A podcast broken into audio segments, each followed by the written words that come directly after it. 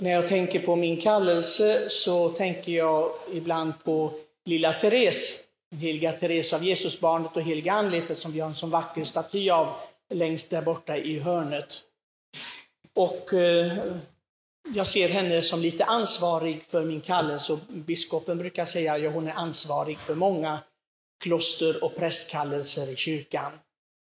Eh, jag undrar vad hon hade tänkt om hon hade mött apostlarna livslevande. De första prästerna, de första biskoparna i kyrkan. Det var inte så roligt gäng egentligen om vi tänker på helighet. Herren var tvungen att så att säga läxa upp dem flera gånger, undervisa dem. De var mycket bristfälliga och ändå så var det de, personer med namn som vi vet vilka de är, som han valde. Han gick inte runt och tänkte kanske, ja, jag ska hitta de bästa männen på jorden, bara de som är felfria. Nej, egentligen den som hade minst fel, det var ju då Johannes, eftersom han erkände sig vara älskad. Och det är den stora skillnaden. Han hade säkert mänskliga fel och brister som alla de andra, men han erkände sig vara älskad. Det är därför han skriver lärjungen som Jesus älskade. Lilla Therese, hon for ju med sin pappa till Rom för att be om tillåtelse att gå in i Karmel, i den orden som några av hennes systrar också tillhörde. Hon var bara 15 år gammal och hon behövde dispens för detta. Och genom den resan som hon gjorde så de stannade och firade mässor på olika platser, så märkte hon efteråt när hon skrev sin dagbok att hon tänkte på detta. Om nu präster som strävar efter fullkomlighet har sina brister, vad ska man då inte säga om präster som man inte ser strävar efter fullkomlighet? Och hon bestämde sig för att hennes liv skulle gå ut på att be för prästerna och vädja om själars räddning, frälsning. Och det var det hon gjorde, hon offrade sig för prästerna. Den helige Franciscus av Assisi, då hoppar vi bakåt några århundraden, och eh, han sa till sina medbröder, för antagligen så hade några av dem kritiserat någon präst.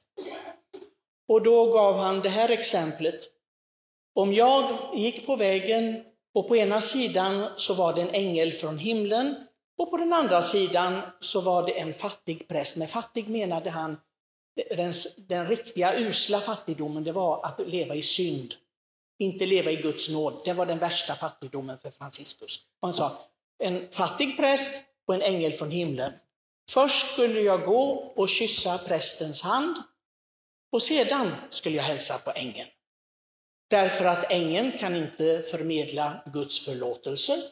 Och ängeln kan inte göra så att bröd och vin blir Kristi kropp och blod. Men det kan även den fattigaste prästen, även den syndigaste prästen kan detta. Och där svarar han också på en fråga som många på den tiden hade. Och det kanske finns än idag bland vissa. Kan en präst som lever i synd utföra sina handlingar, kyrkans handlingar, giltiga? Och kyrkan svarade i koncilium, ja. Det är klart att prästen själv får inte den nåden han behöver för att bli ett helgon om han inte samarbetar med nåden, men hans handlingar i kyrkans namn är giltiga. Och det var det också som Franciscus ville svara sina bröder på. Det är alltså ett prästämbete, Guds förtroende för människan. Att vilja att människoblivandet, det konkreta tecknet på att han är med oss, skulle finnas genom bristfälliga människor, för vi präster är bristfälliga. Det förstår vi nog alla. Men Guds förtroende är enormt. Den kärlek han har till oss, han lämnar oss inte ensam. Och det gör han genom sin kyrka som ska vara för evigt. Så länge jorden består kommer kyrkan bestå, det kan vi nog lita på.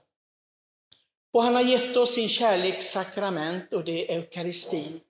Han botar oss genom försoningens sakrament, att prästen får säga i hans namn och jag löser dig från dina synder. Inte ett så att säga ett svävande, ja, må Herren förlåta dig. Nej, jag löser dig. Det är Herren själv som talar genom prästen. Det är så man ryser själv när man har fått det här uppdraget. Jag tänkte aldrig att jag skulle bli präst faktiskt, även om jag lekte präst som liten. Det vittnar de om. Jag höll på att tända eld på huset hemma en gång med alla ljusen jag ville ha. Ni, ni i församlingen vet att jag är förtjust i levande ljus. Och det var jag även som liten. Och, eh, men jag trodde nog aldrig att jag skulle bli präst. Och så kom jag till orden och där säger man, ja vi ska göra vad Gud vill. Det är Guds vilja. Och det förvånade mig att man i kyrkan är så klar över vad Guds vilja är. Men det är kyrkan. Kyrkan har fått en så stark fullmakt att binda och lösa och det handlar inte bara om vikten. Det handlar om allt. Och då kan man ha förtroende för kyrkan. Jag visste med en gång, säger kyrkan genom sina representanter att jag är kallad till det, då litar jag på det. Då tror jag på det, helt och fullt. Men naturligtvis är det en svår väg att vara präst. För man vet att man måste hela tiden växa i trohet mot honom. Man kan inte, precis som lilla Therese sa, jag har aldrig nekat honom någonting. Att inte neka Herren någonting, det var det som gjorde så stort intryck på mig när jag läste hennes självbiografi, hennes dagbok. Det är svårt. Det är många gånger på kvällen som jag tänker, vad är det jag har nekat Herren idag? Jag kanske har nekat något, ett leende, ett uppmuntrande ord, ett accepterande av det som han vill. Och det är det som är prästämbetet.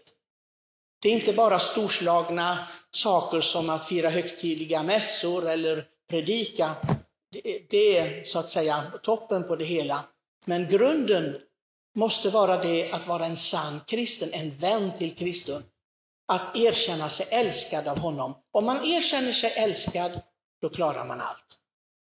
Men tvivlar man på detta, som de andra apostlarna gjorde, ingen av de andra vågade säga detta, den lärjunge som Herren älskade, och inte älskade han de mindre. Absolut inte, det ska vi inte tro.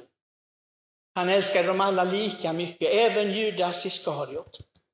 Det var en sån sorg för honom när han fick se att Judas inte ens efter han hade förrått honom kunde komma tillbaka och säga Jesus förlåt mig. Det hade räckt bara med en blick. Jesus har ju gett oss den fantastiska liknelsen med den förlorade sonen. Sonen behövde inte ens säga någonting till fadern. Fadern själv sprang ut ur huset för att omfamna honom, ta emot honom. Det är så Jesus förklarar sin kärlek. Bara vi har ett uns av medvetande om att vi är älskade. Det förvandlar allt och då orkar man allt. Och Jesus vill också, om vi blir hans sanna vänner, att vi tvättar varandras fötter. Vi ska symboliskt göra det, för det är en symbolik naturligtvis. För det handlar inte bara om det, utan det handlar om att hjälpa till att rengöra varandras själar, att bära varandras bördor, att ge varandra hopp, att lysa på vägen, att lysa upp den så att vi ser var vi går. Och det ska vi hjälpa varandra med. Det är att, så att säga, tvätta varandras fötter. Men det är inte ett uppdrag bara för prästen. Alla har vi fått en vigning i dopet. Det vet vi, att vara präster, profeter och kungar. Och detta ska vara vår styrka, att Gud har förtroende för var och en av oss. Och han så att säga fyller på den här styrkan, sin nåd, varje gång vi firar det oblodiga förnyelsen av korsoffret i mässan. Och det är därför också mässan är oumbärlig för oss. Det spelar ingen roll, mina kära vänner, hur bra ni än ber, även om ni är experter på inre bön och jag vet inte vad för böner, men mässan kan vi aldrig överträffa. Andra Vatikankonciliet säger att det är den kristnes källa och höjdpunkt. Källa och höjdpunkt, då förstår vi. Pater Pio sa att eh, världen skulle kunna leva enklare utan solen, klara sig utan solen, än mässan. Han som var en stor mystiker och firade långa, långa mässor till många bröders förtret. De tyckte han kunde anpassa sig som alla andra. Men hans kärlek till Herren när han var där, den var så innerlig att det gick inte att jämföra med någonting annat. Han skakade den här Pater Pio innan han fick fira mässan. De kunde knappt inte klä honom i mässkläderna. Han var så uppspelt, skulle man kunna säga, inför den här handlingen. Det sägs en gång, det var tusentals människor som vallfärdade till, till San Giovanni Rotondo, den helige Pater Pio var, och alla ville ju naturligtvis delta i Pater Pios tidiga morgonmässa. Och kyrkan var full.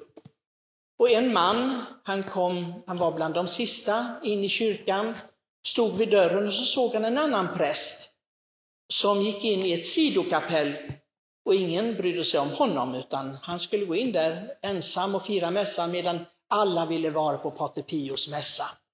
Den stigmatiserades mässa. Och folk brukade känna rosendoft under mässan när Pater Pio firade den. Men den gången när han tänkte så här att den här mannen, jo, jag har väntat nu i 15 år och få komma till den här Pater Pio-mässan. Men det är ju lite underligt att alla ska stå vid Pater Pios mässa och den här prästen går in i ett kapell och ingen kommer med och deltar i den, för det är ju samma mässa. Så jag går dit istället. Han offrade sin, del, sin delaktighet i Pater Pios mässa och gick in till den ensamme prästen.